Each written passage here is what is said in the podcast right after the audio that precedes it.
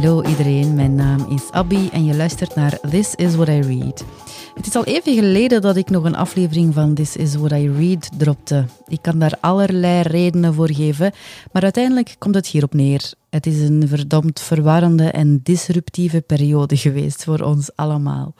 Ook voor mij. Meer woorden hoef ik daar niet aan vuil te maken. Ik wil het C-woord gewoon niet uitspreken. Laten we maar meteen beginnen. Een hele tijd geleden was This Is What I Read te gast bij het Brussels Podcast Festival voor een live uitzending. Ik sprak toen met Helene de Beukelare over het boek Being Imposed Upon. Dat is een bundel met bijdragen van Nederlandstalige en Franstalige zwarte auteurs. Helene verzorgde niet alleen de redactie van de Nederlandstalige teksten, maar schreef zelf ook een bijdrage, getiteld We maken geen vrije mensen. We hadden het dus ook over de anekdotiek van het lijden, over hoe mensen uit onderdrukte groepen gevraagd worden om hun wonden te tonen, keer op keer, anders geloven we niet in hun lijden. Over hoe journalisten de geschiedschrijvers van de hedendaagse tijd zijn. Want toen ik met haar sprak in februari van dit jaar, stond ze op het punt om aan de slag te gaan bij de Standaard. Ondertussen heeft ze daar al heel wat sterke stukken geschreven. Ga ze zeker opzoeken.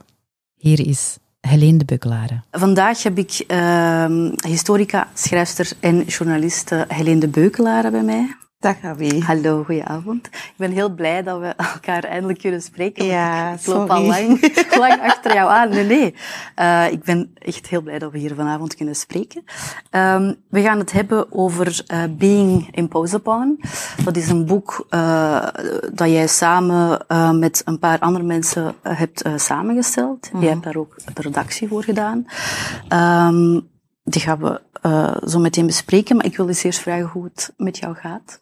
Goed. Ja? Ja, allee, ja, het is wel raar om nog eens uit je huis te komen. Uh, ik ben wel zo iemand die de lockdown zeer serieus neemt. Ja. Aka, ik leef in mijn pyjama. Um, dus ja, het was wel spannend om nog eens kleren aan te doen. um, maar ja, met, met, met, mij gaat het eigenlijk uh, best goed. Ja. Oké, okay, blij dat te horen. um, het boek is uh, voortgekomen uit een uh, kunstproject, uit een uh, installatie. Um, het waren praatcirkel, praatcirkels waar vrouwen van kleur, eigenlijk zwarte vrouwen, samenkwamen om te praten over de thema's die ook in het boek voorkomen. Mm -hmm. Kan je iets meer vertellen kort over dat kunstproject? Um, ja, wij zijn uh, daar eigenlijk op uitgenodigd door Lucas en Vesna. Die hebben samen de, het kunstcollectief Publieke Acties. Um, en zij hadden in het verleden het boek uitgebracht uh, wanneer we spreken over kolonisatie. En dat is eigenlijk een bundeling van een reeks essays van historici, sociologen van, van in Congo um, over de kolonisatie. En ze hebben die vertaald in het Frans, of als ze nog niet uh, sommige waren al reeds in het Frans geschreven. En dan ook in het Nederlands. Dus een tweetalig boek. En het idee was uh, dat ze datzelfde project een beetje verder wouden zetten, maar ze wisten niet goed hoe. Dus we zijn begonnen met die praatcirkels. Uh, dat is opgenomen. En in die praatcirkels is dan het idee ontstaan om eigenlijk een boek te schrijven voor en door zwarte vrouwen in België in twee talen. Dus elk onderwerp. er zijn zeven onderwerpen gekozen elk onderwerp zijn er twee auteurs gekozen, soms twee auteurs per taal, uitzonderlijk. Uh, maar dus in totaal is, zijn er uh, veertien essays geschreven. Ja. En die hebben we dan geredigeerd en samengebracht in dit pareltje. Ja. En uh, het is ook opgevat als een soort handboek voor ja. zwarte vrouwen. Ja. Um, moet ik het dan begrijpen als een soort van hoe overleef je in België als zwarte vrouw? Um, ja, het is een beetje, het is, het is geen uh, survival gids, hè. Um, het is een beetje voeding voor de ziel. Het is een beetje zo opgevat. Um, en het, mm, het is ook, het is, het is ook visueel zo opgevat. Het boek ligt naast u, uh, zoals je kunt zien. Het is klein, het is compact, het is uh, ontworpen om eigenlijk constant bij de hand te kunnen hebben als een soort van, ja, ondersteuning van, je bent niet alleen. Je bent niet alleen door deze dingen aan het gaan. Je bent niet alleen door deze emotionele, psychologische, politieke druk op je lijf en leden aan het gaan. En daarvan komt de titel ook. Ja, vertel eens wat meer over die titel, Being Imposed Want je schrijft het eigenlijk ook met de laatste twee woorden doorstreept of Ja. ja, een beetje Zoals- doorzichtig gemaakt. Ja, ehm, dat is eigenlijk gekomen omdat we heel vaak in die gesprekken terugkwamen op de externe eh, druk die op ons wordt gezet. Eh, vrouwen van Sub-Saharaans-Afrikaanse origine. En wat dat, welke impact dat, dat heeft op, op ons leven. Ik heb een eh, vriendin, zij is ook schrijfster in het boek, eh ik denk Christelle Munganyende.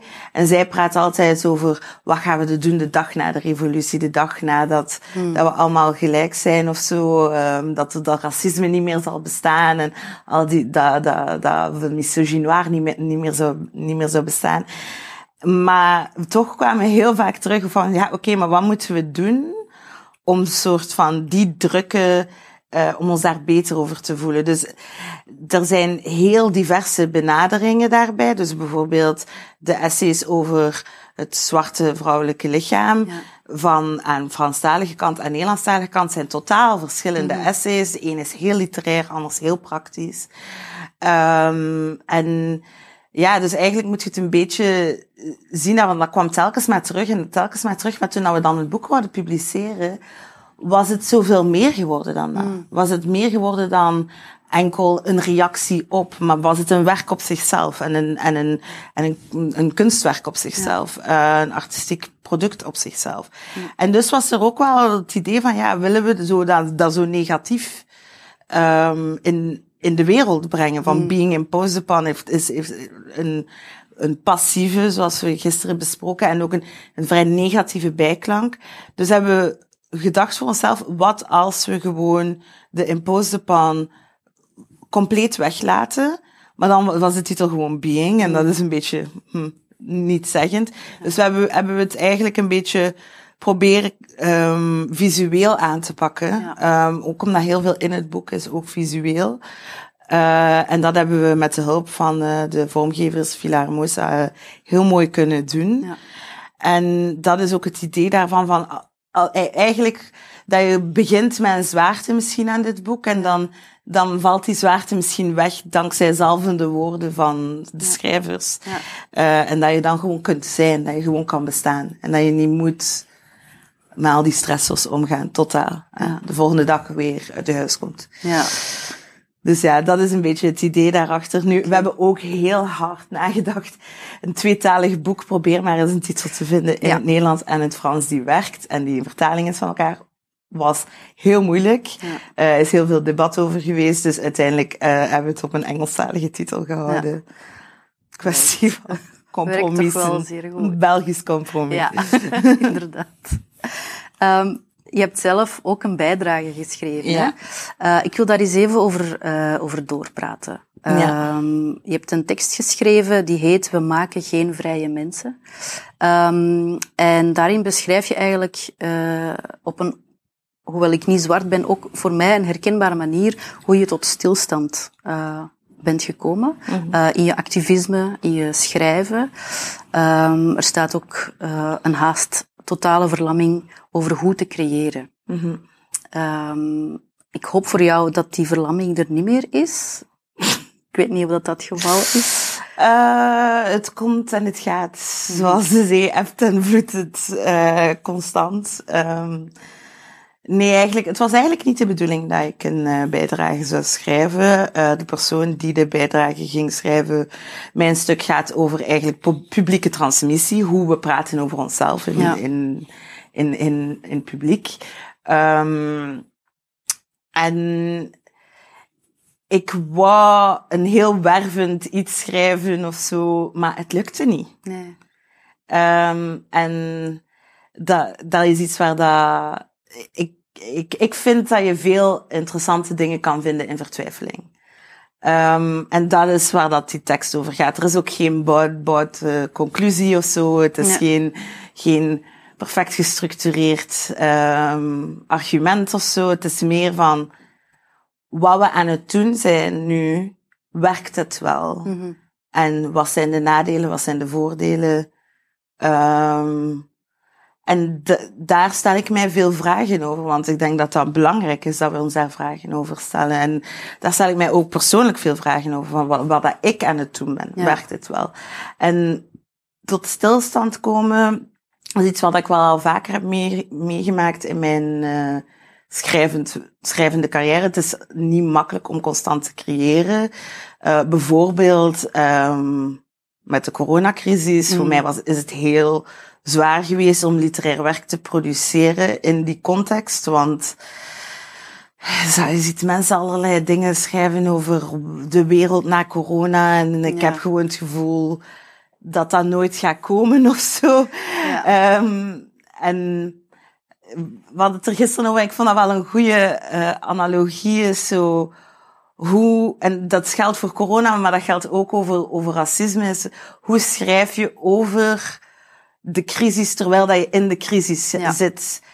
Um, hoe denk je na over de crisis terwijl dat je in de crisis zit? En, en hoe um, gaan we later terugkijken op wat dat wij hebben gedaan en onszelf ja. misschien bekritiseren? Of als we dat niet willen doen, anderen die ons gaan bekritiseren. Mm -hmm. um, en dat dat bijna aanvoelt alsof dat je in een brandend huis staat en dat je laat nadenken bent over je verzekeraar. Mm -hmm. Zo werkt het leven niet. Nee. Uh, dus uit die vertwijfeling eigenlijk is die tekst ontstaan. Is ja. uh, een soort noodzaak tot introspectie. Ja. Maar uh, je schrijft er bijvoorbeeld ook in dat je, dat je het gevoel hebt dat je, um, of dat we in het algemeen te veel geïnvesteerd hebben in, in erkenning krijgen. In mm. erkenning van, kijk, racisme, racisme bestaat, wij lijden daaronder. erkenning ook als, als individu. Maar wil dat zeggen dat je nu twijfelt aan die investering? Van, ja. Is het het waard? Ja, ja, ik denk het wel. Um, ik denk dat... Ik ben niet zeker of dat het niet een fase was die we door hebben moeten maken mm -hmm. en, en die nodig was. Of dat het iets is dat altijd gaat moeten blijven bestaan parallel aan. Maar ik denk dat er meer moet zijn dan enkel erkenning. Want erkenning werkt niet. Nee. niet of niet genoeg. Um, ik denk altijd aan zo dat ding van, hey, ik, ik kan u nog zoveel mijn wonden tonen en tonen dat ik bloed en mijn miserie tonen. En nog altijd gaat je niet geloven dat er, dat er institutionele uitsluitingsmechanismes bestaan en dat er problemen zijn in hoe dat we omgaan met verschillende groepen in onze samenleving. Mm.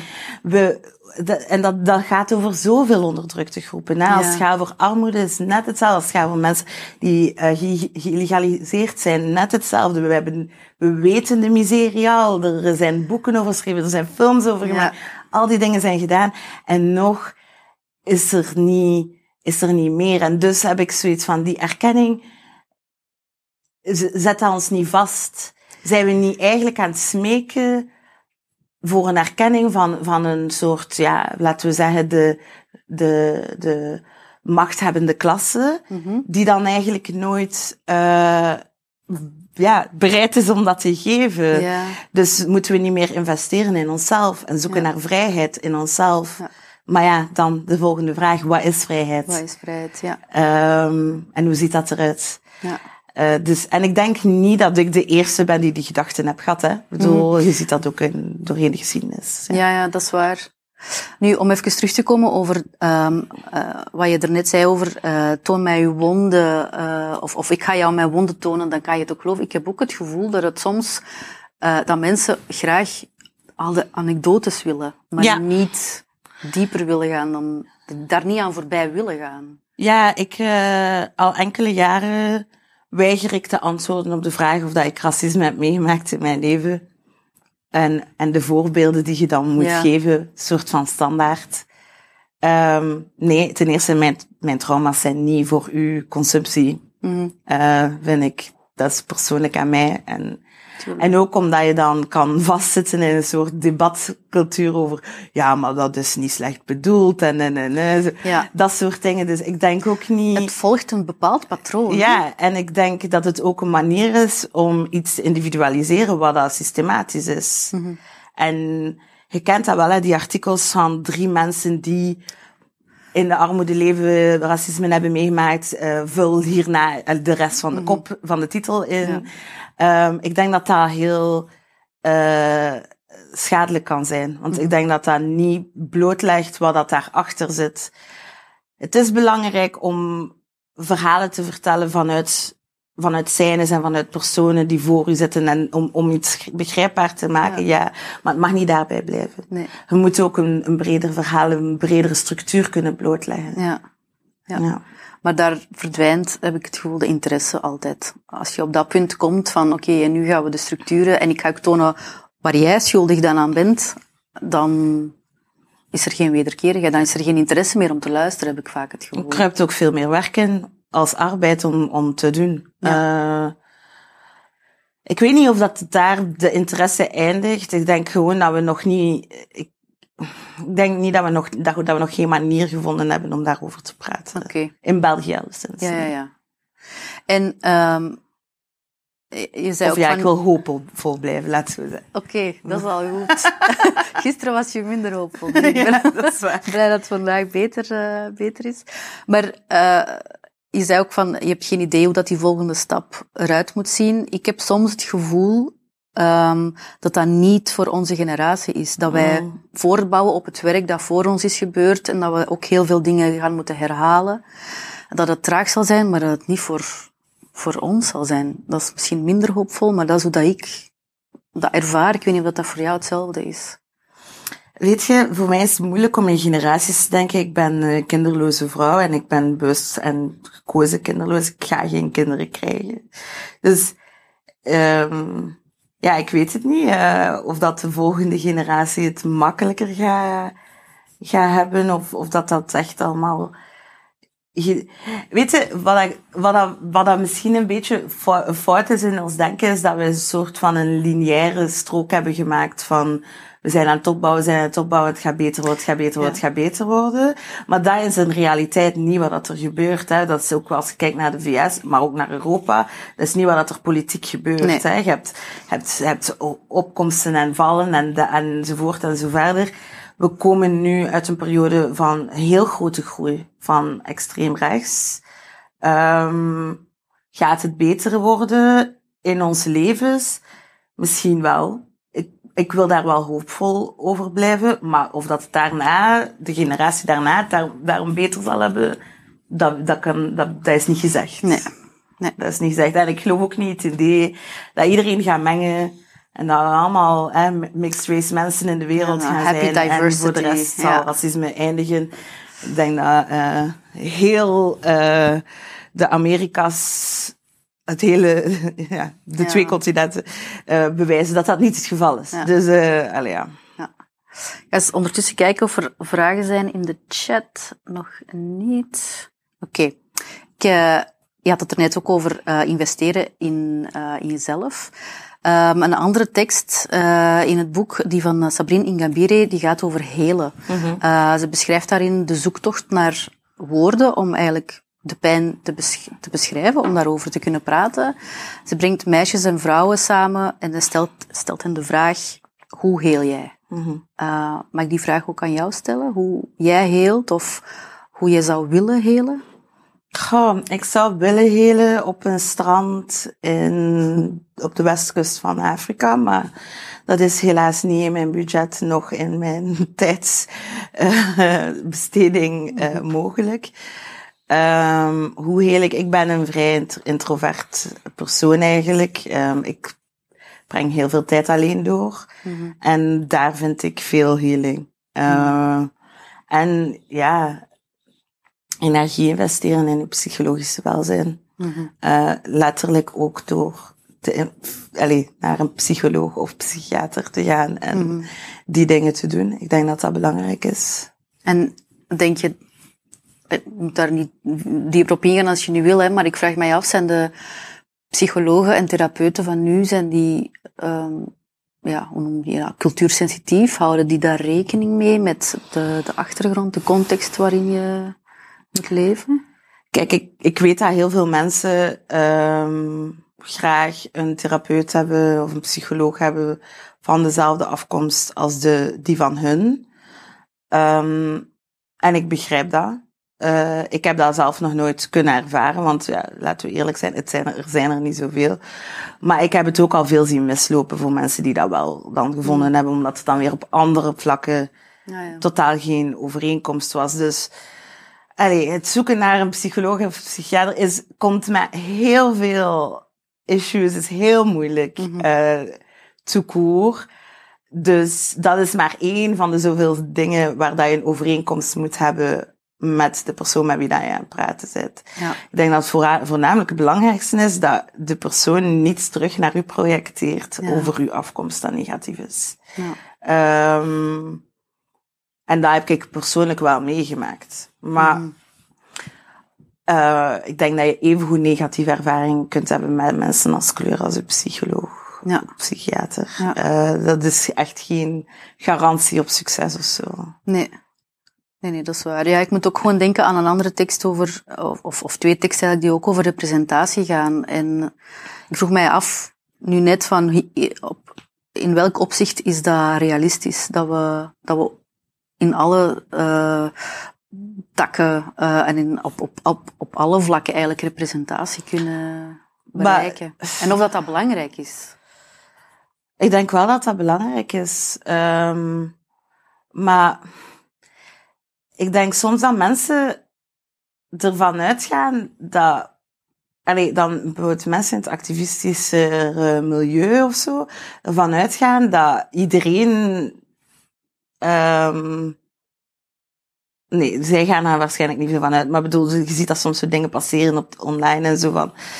Ja, ik wil gewoon een zwarte advocaat, een zwarte dit, een zwarte mm. dokter en dingen.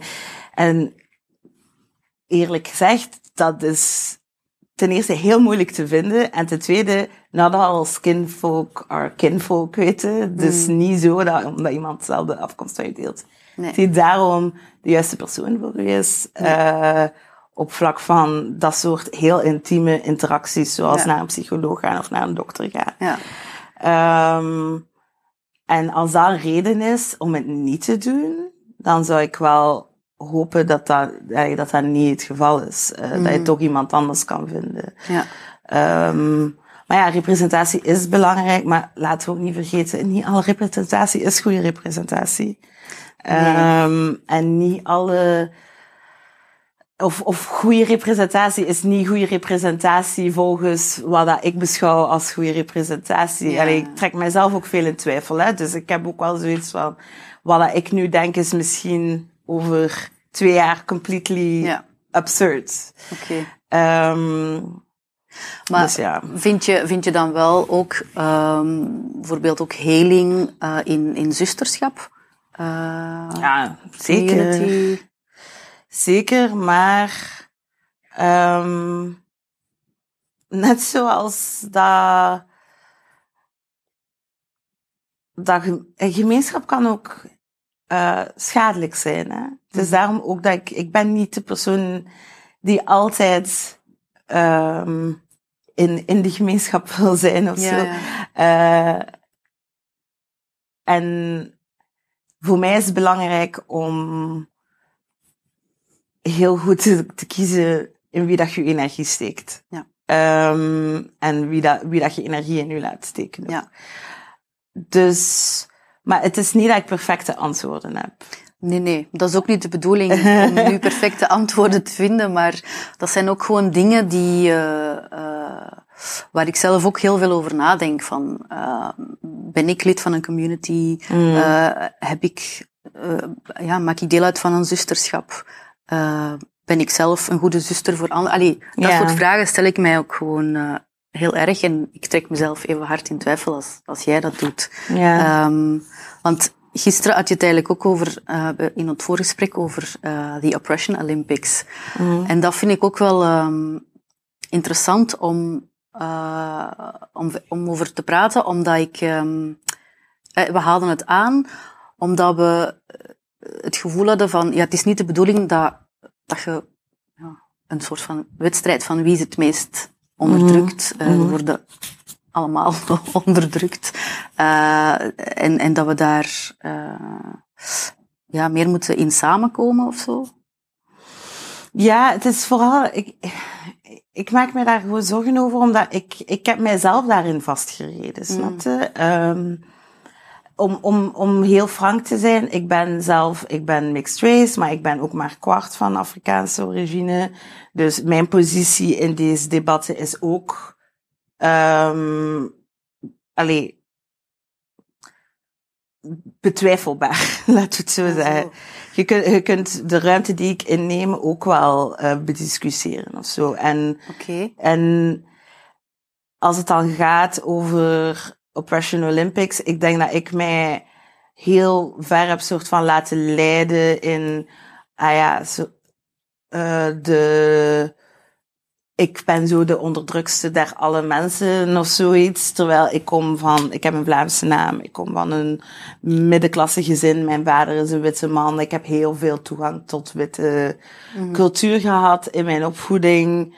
Um, dus ik heb veel privileges gehad. Mm uh, en ik denk dat in die Oppression Olympics dat er een probleem soms is dat je niet meer kan zien wat dat je privileges kan zijn. Want bijvoorbeeld, ik was met een vriend hierover aan het praten en hij was, wij, wij waren aan het praten over hoe vaak ook dat je, eh, soort van als kind op je afkomst en dingen werd gewezen.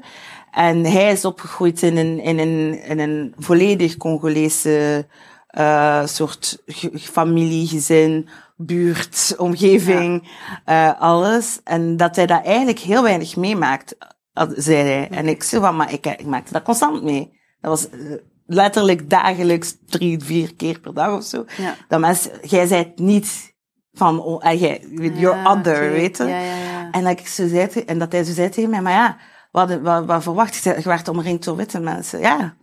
Dus ik er zat het privilege in mijn toegang tot witheid. Er zat ook heel veel trauma daarin. En dus mm, heel die Oppression Olympics is simplistisch. Ja. Dat is het probleem. Het is simplistisch, want het doet niet genoeg nadenken over wat zijn alle lagen van alle dingen. Ehm dat doet niet af trouwens van het feit dat hij sowieso het veel, allez, veel meer uitdagingen heeft, ja. bijvoorbeeld op de arbeidsmarkt en zo, dan mij. Ehm maar er zijn dynamiek, allee, snap? Er zijn Ja. altijd kleine dingen en er zijn altijd kleine individuele Absoluut. dingen. En Ja, dus heel dat ik sta eh, en de. eh, eh. Maar ik, En ook van waarom, wat informeert dat dan nog als we ons verliezen in die discussies? ja. Want het kan relevant, het is belangrijk. Hè? Je moet mensen kunnen op privilege wijzen. Hè? Ehm, maar als we vervallen in die discussies en dat blijft doorgaan, dat, dat kan schadelijk zijn.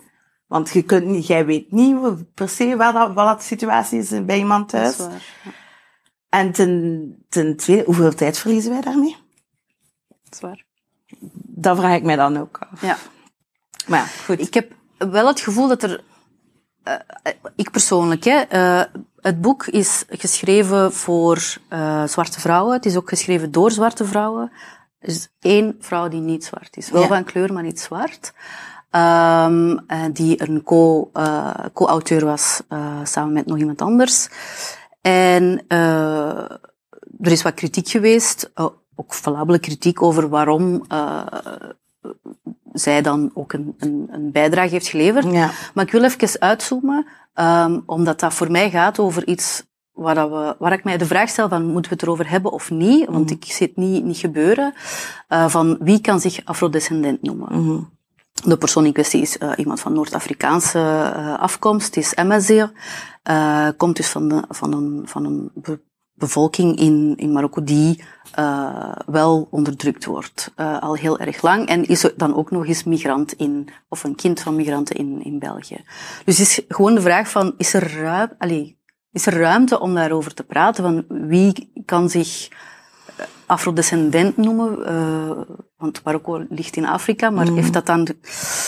Mag dat niet gelinkt worden met alleen locatie? Allee, snap je? Dat soort vragen stel ik mij gewoon. Ja, en die komen ook uit, uit heel uh, lang aanslepende historische narratieven. Hè? Um, er is de onderdrukking geweest van de, en bestaan nog steeds lopende onderdrukking van de Amazigh in, in Noord-Afrika.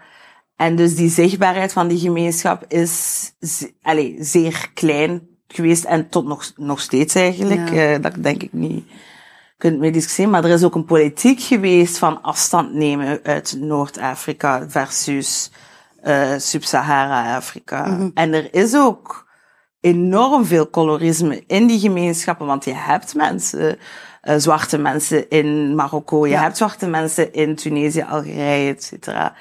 Ehm, dus ik vind het, kijk, ik zou willen dat we daar ook over konden praten, Mm. maar ik weet niet of dat we daar al zijn.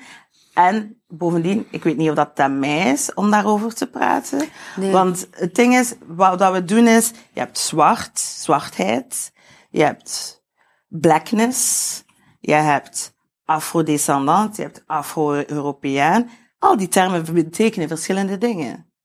Ehm, en die invulling is ook anders voor heel veel mensen. Ja. En dus als we, wat gaan we doen? Een soort gestandaardiseerde definitie beginnen maken. Mm. Ehm, en ik voel mij niet eh, equipped. Ik heb zeker niet de, de het materiaal om die grenzen af te bakenen. Nee.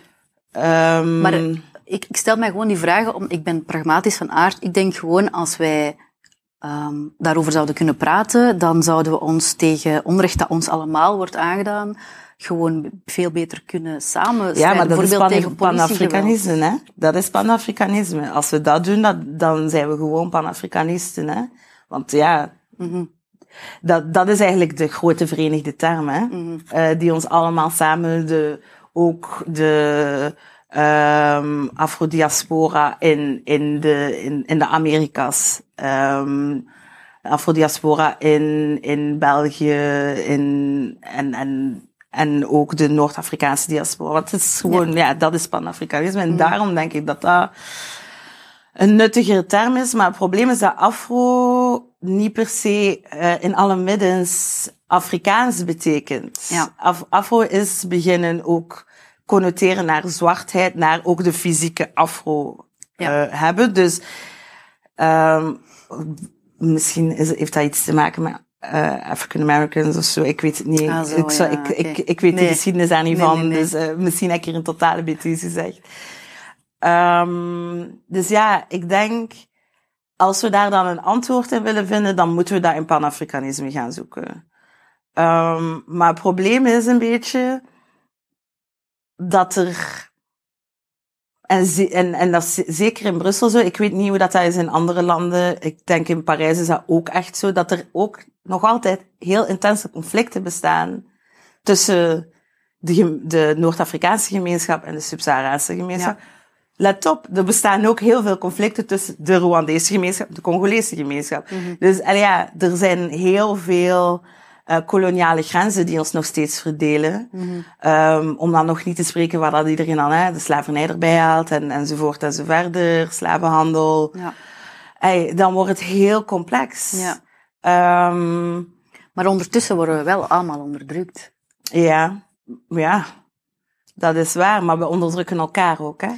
Ja. Ja. Maar ik, is, dat, is dat utopisch van mij om te denken dat als we tegen de grote onderdrukkers strijden, dat we elkaar dan minder gaan onderdrukken, omdat we die gedeelde strijd Ik denk hebben? eerlijk gezegd dat de aard van de mensen niet zo positief is. Spijt mij. Mhm. Allee, ja, we kunnen wel allee, gelijk zo political blackness een soort groot collectief creëren.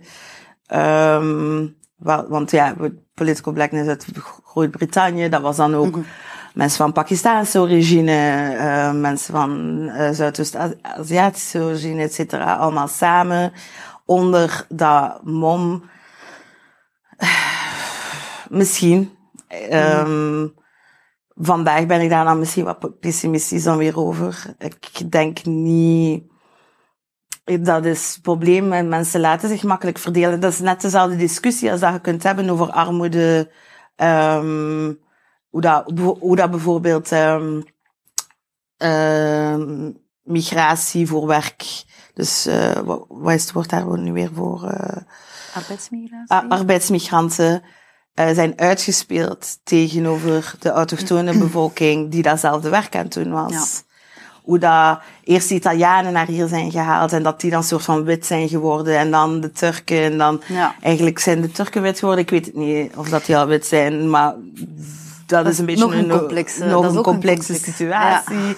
En, en, en zo zien we eh, de Turken versus de Marokkanen en, en, en, en zo zie, allee, En er is een, en- zo een geschiedenis van mensen uitspelen tegen elkaar. Ehm, hoe gaan wij daar boven stijgen als we in dit systeem opereren? Ja, Dat denk ik, weet, ik weet niet hoe haalbaar dat, dat nee. is. Oké, daar wil ik zo meteen op terugkomen, want ik, eh, ik wil het ook hebben over de tekst van eh Emma Lian Ponsa. Eh, een draaiboek voor dekolonisatie, hoe het niet moet. Eh, ze legt daar de vinger op de wonden als we het hebben over decoloniseren. Eh, het woord is, toen het ook overwaaide naar België, eigenlijk heel snel eh, bijna ge gecommodificeerd en, en eigenlijk onschadelijk gemaakt. Ehm, ik weet niet wat jij daarvan denkt, van het woord decoloniseren. Ah, ik heb zo opgelopen met decoloniseren dat ik er nu eigenlijk bijna mij voorzien. Het is gewoon jezelf in Maar goed, trekken, weet je, mensen veranderen van mening. En Ja. dat mag. Ja. Hè? Ehm, ja, eh, iets- iets zeer interessant is iets wat dat Sophie Wittaak zei. Ehm, zij is eh, ook onderzoekster en heeft ook lesgegeven, denk ik, aan Emma Lee. Ehm, zij vertelde eigenlijk dat decoloniseren nooit als grassroots beweging in België is binnengekomen. Het is binnen de, via de universiteiten binnengekomen in België. En het is nooit bottom-up geweest. nee, ehm, en dat vind ik wel interessant. Eh, en dat heeft mij ook heel anders doen kijken daarnaar. Naar die dynamiek en ook hoe dat je het hebt zien gebeuren. Hè? Want, allee, bij wijze van spreken, het waren eerst de culturele instellingen van, van Brussel onder andere, die dan hè, heel hoog opliepen met decoloniseren en zo. Ehm, ik weet niet in hoeverre dat dat ons iets gebracht heeft, want wat dat Emma en ik het heel vaak over hebben, is het herkoloniseren via decoloniseren. Dus eigenlijk, door eigenlijk decolonisatie te, dus het woord diversiteit is oud. We gebruiken decoloniseren nu. En eigenlijk is het woord decoloniseren hetzelfde als diversiteit. Waar En dezelfde invulling van we brengen gewoon lichamen van kleur Ja, binnen in de instellingen die bestaan. Maar we gaan die instellingen niet veranderen. Ehm, en die lichamen zijn er dan en die praten dan, zoals dat wij hier nu zitten. En eigenlijk doen wij hun werk mhm. voor hun. En bij deze zijn wij geherkoloniseerd. Oké. En, en dat is een soort van telkens opnieuw gebeurende ehm, ja, cyclus. ja. Maar als het, het is heel moeilijk om zo te denken, want dan dat slaat ook alles dicht, snap je? Dan is ook niets Ja. meer mogelijk. nee, inderdaad. Dus eh, ja, ik wil hoop hebben. Maar ik vrees dat, dat het geen betekenis meer zal hebben. Want eh, wat dat decoloniseren in essentie impliceert, is dat je ook het systeem waar dat we, het financieel systeem waar dat we in, in, in Ja. werken, moet ontmantelen. Ik denk niet dat dat gaat gebeuren. Omdat dat op te grote schaal is. Dus ja, ik bedoel, wat moet er gebeuren voordat we het kapitalisme zouden ontmantelen? En als we dan Ja. in de marge willen decoloniseren, hoe, ziet dat er dan uit? Dan, Ja. dan ziet dat eruit als bruine lichamen die, die dat Ja. werk doen. Ja. Of zwarte lichamen. Of, wel, ja. Ja. Heb je dat veel gedaan, zo gaan zitten in panels over ja, verschrikkelijk veel. Dus ik ben kotsbeu. Ja. En dan ja, ook bij deze, de laatste keer dat ik dat ga doen. Eh, nee, ehm, ik heb ook niets, ik heb ook eigenlijk gewoon niets meer te vertellen. Allee, dat is, dat is heel Ja. cynisch, hè. Eh, Nee, ik vind dat niet cynisch, ik vind dat logisch. Ik vind dat echt logisch. Allee, eh, het is, het is niet positief, hè? absoluut niet, maar ik vind dat... Ja, je wordt, eh, je wordt tegen wil en dank eigenlijk word je expert. Een beetje, door opiniestukken te beginnen Mm. schrijven, die dan ook eens, nog eens vertrek je vanuit jezelf, vanuit je er- eigen ervaringen. Uh, dan gaat je daar theorieën aan koppelen. Uh, ja, je gaat de mensen willen educeren, je wilt ze dat laten zien, je wilt uh, dat overbrengen. Die boodschap is zo belangrijk. Je krijgt soms positieve signalen. Ja, ze hebben het bijna door. Maar je begint eigenlijk gewoon Mm. elke keer opnieuw. Dus je wordt gewoon leeggezogen. Ja, ik, um, ik heb ook niet het gevoel dat er. En misschien is dat ook door corona, maar ik heb ook niet het gevoel dat er, dat er nieuwe input is. En ik denk, het heeft ook heel veel te maken met wat er in juni is gebeurd. De dood van George Floyd was dan zo'n moment die dan eigenlijk, als ik praat met de mensen rondom mij, um, voor een totale verlamming en vermoeidheid heeft gezorgd, waar dat veel mensen nog steeds niet van hersteld zijn. Het was verschrikkelijk. Voor de zoveelste keer, racisme is herontdekt. En dan, misschien willen we toch iets doen in België of in Vlaanderen of in Brussel. En we moesten allemaal opkomen draven voor televisie, voor betogingen, voor dit en dat en dat. En ik had gewoon zoiets van, ik heb letterlijk niets meer te zeggen. Wat moet ik zeggen? We've been through this, like, zoveel keer al. En een paar maanden voordien was Adil gestorven. Wat dat al een mega traumatiserende ervaring was in Brussel. Ja. En, en niet zoveel voordien was Mehdi gestorven. En niet zoveel voordien was Moïse gestorven. Dus dat was een moment dat zo pijnlijk was, omdat het zo, de, de, het cynisme was zo voelbaar, snapte? Ja. Um, en dus voor mij, ik heb toen ook op alles nee gezegd. Ik heb niets, niets, niets, niets, niets gezegd. En het is ook niet meer aan mij om daar iets over te zeggen. Mm -hmm. En dat is ook niet mijn job. Nee. Um, kwam het boek niet in die periode uit? Ja, maar het, boek is daarvoor geschreven. Ja, ja, ja. Uh, maar het is iets daarvoor uitgekomen, ja. Of ja. iets daarna. Ik weet het eigenlijk niet meer zo goed, dus ik zo mijn baas. Um, en dan maakt het ook een beetje moeilijk voor mij om over dat boek te praten, omdat het soort van heel hard daarmee, daarmee gelinkt is. Ook al heb ik daar heel veel werk, heel veel liefde, heel veel arbeid in gestoken. En ik raad heel veel mensen aan om het te lezen en te kopen. Maar het is wel een pijnlijk boek. Snap je? Het is geen uh, plezierliteratuur. Nee, nee, nee. nee. Um, en ik denk dat. Ja, ik wil gewoon even terugkomen op soort van die intense vermoeidheid en ja. die intense soort van. Wat moeten we nu nog doen? Ja. Like, we, ik, denk, ik, ik heb mensen zien alles er tegenaan smijten in juni. En we zijn hoeveel maanden verder? Mm. En ja. En ik denk dat er. Ik denk dat dat soort van de cyclus is van mensen. Allee, ik denk dat heel dit systeem draait mensen die willen daar iets veranderen in dat systeem. Of gewoon, want allee, mensen noemen mij een activist. Ik ben denk ik echt geen activist. Ik denk dat ik meer iemand ben die dingen naar boven wil, verhalen naar boven ja. wil tillen. Um, en ik denk dat, dat mensen die dat doen, dat die een soort van door de, de maal uh, stroom worden gehaald. En dat er enorm hoge burn-out ja. um, gehaltes zitten ook in, in onze gemeenschappen daardoor. Ja. Uh, want je smijt zoveel. Um, en ook zoveel van jezelf. Ja, het is dat, ja. uh, in iets wat dan zo cynisch wordt. En dat is pijnlijk. Dat is echt zo een zwart gat dat, dat je energie Ja, dat zuigt en dat zuigt en dat zuigt en dat eindigt niet. En het is ook zo, mensen vragen zich altijd ook af van waar zijn de activisten van weleer? Hm. Ja, they, they just burned out, ja. weet je? Ja, dat is zo.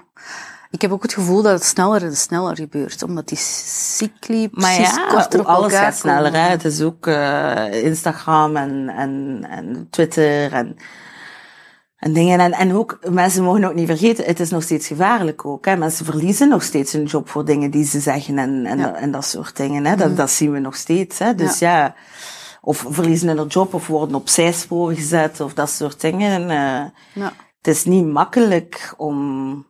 Nee. eh, maar het is niet om te zeggen dat mensen niet moeten... Nee, nee.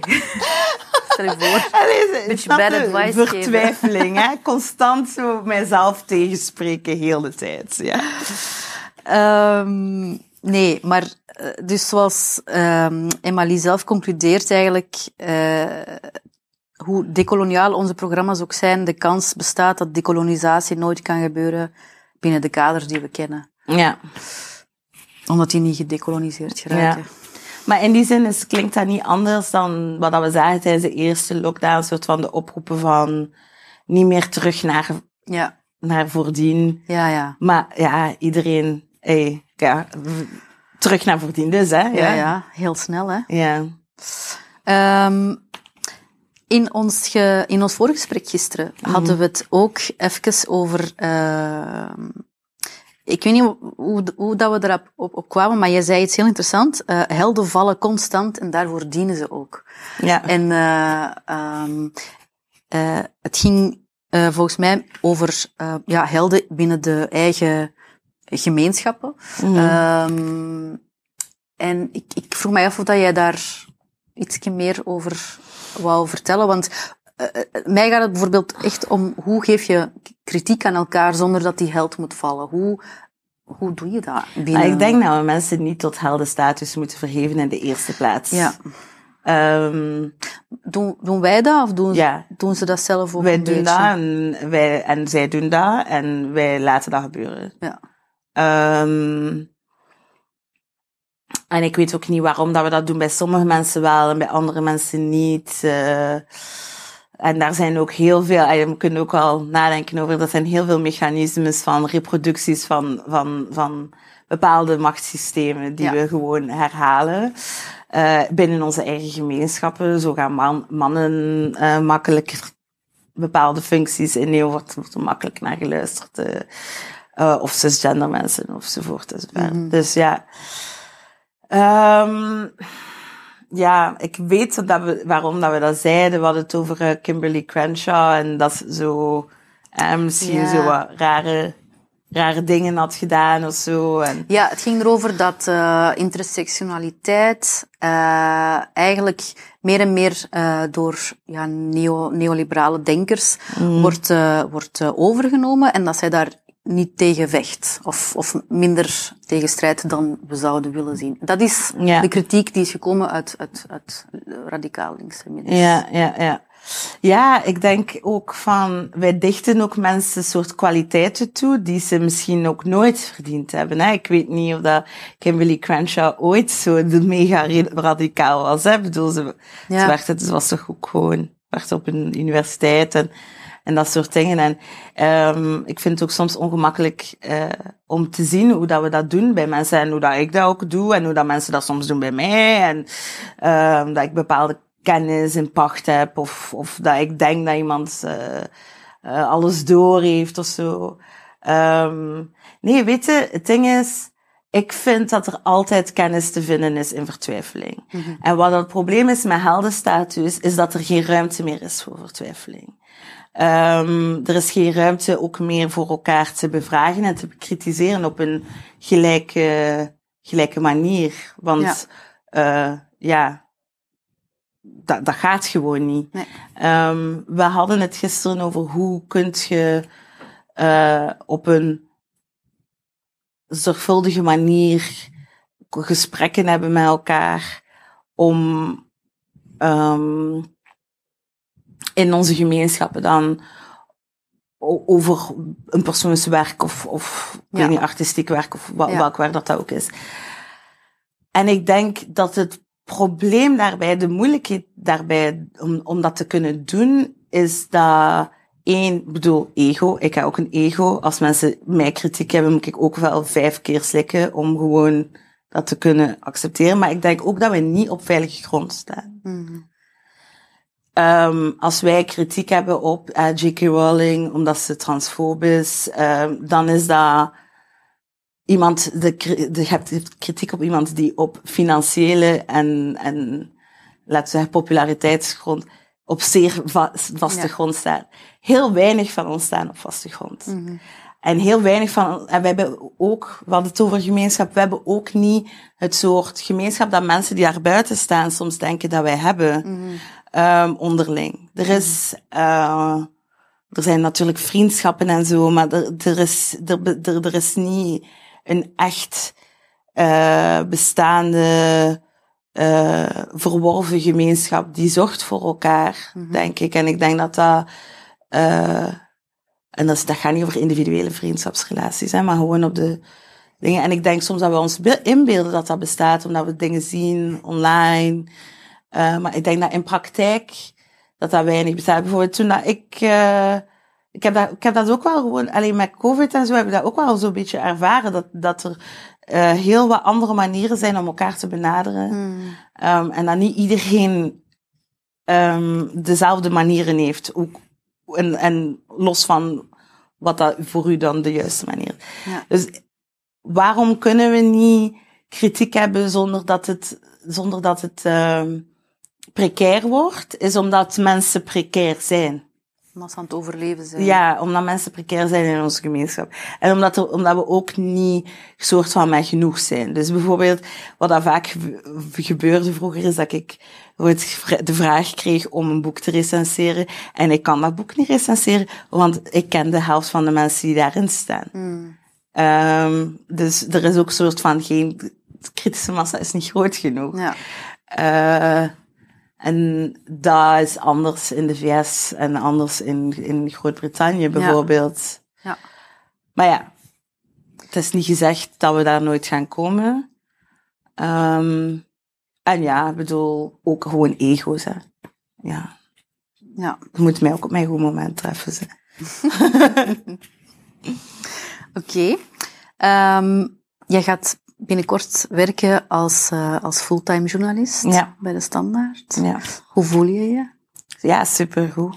Ja. Ja, ja. Ik heb Geen freelance meer? Oh ja, freelance leven is echt verschrikkelijk. Ja. Ehm, nee, nee, ik heb dat eigenlijk al graag gedaan. Eh, ja, nee, het is gewoon een super interessante nieuwe uitdaging.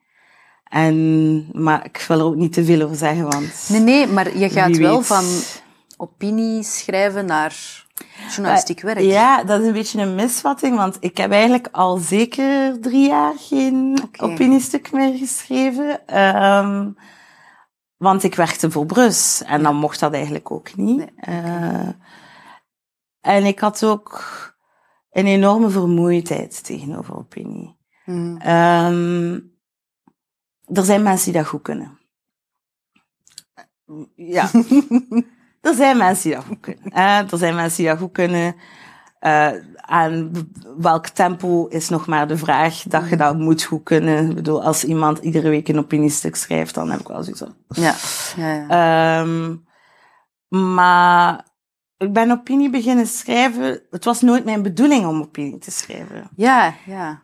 Ik heb een tekst geschreven en die is in opinie gepubliceerd. Mhm. Ehm, en ik denk dat dat iets is wat vaak gebeurt bij schrijvers van kleur. Mhm. Eh, dat zegt ook uh, Hélène Christel uh, Munganyende altijd tegen mij. Eh, het is alsof dat we altijd allemaal eerst via de antiracismebank moeten passeren. Ja, Ehm, niet iedereen natuurlijk, hè. nee, maar wel Eh, veel. Ja. maar wel veel. Uh, Sada nog eens in Nederland zegt dat ook van, er zijn te veel journalisten, eigenlijk mensen die journalisten zouden moeten worden, of non-fictieschrijvers of zo, die gewoon in opinie blijven zitten. Mhm. En dat is ook tegen mij gezegd in het begin, maar ja, ik was, weet wel, dom en jong. En ook wel gewoon van, wow, weet wel, mijn naam in de krant en al die Mhm. dingen. Um, en ik denk dat, uh, dat we ook heel veel dingen onder de noemer opinie zetten, wat eigenlijk geen opinie is. Ja. Um, voor mij is het altijd interessanter om verhalen te vertellen. Dat kan in een opiniestuk. Je kunt een verhaal vertellen in een opiniestuk. Je kunt een verhaal vertellen in een, in een, uh, in een essay. Je kunt een verhaal vertellen in een artikel. Ja. in een analyse. Het, er- het is ook wetenschappelijk bewezen dat je meer mensen meekrijgt als je een verhaal vertelt. aan. Ik wil een verhaal, ik wil verhalen vertellen. Ja. Niet, en niet zelf verzonnen, want helaas ben ik daar niet creatief genoeg voor. Ehm, ik wil verhalen vertellen van mensen die ik tegenkom. Ik denk dat er heel veel belangrijke verhalen zijn Ja, die niet genoeg verteld worden. ja. Eh, dus dat is wat ik wil doen.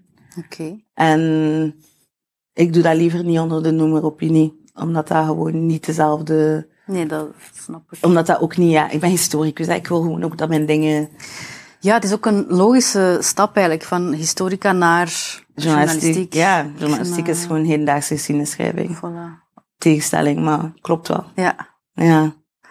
oké. Ehm, dus je hebt al eigenlijk al drie jaar geen, geen, eh, eh, wil je geen plaats meer innemen in die publieke ruimte. Ehm, maar ik ga je werk wel met veel interesse volgen.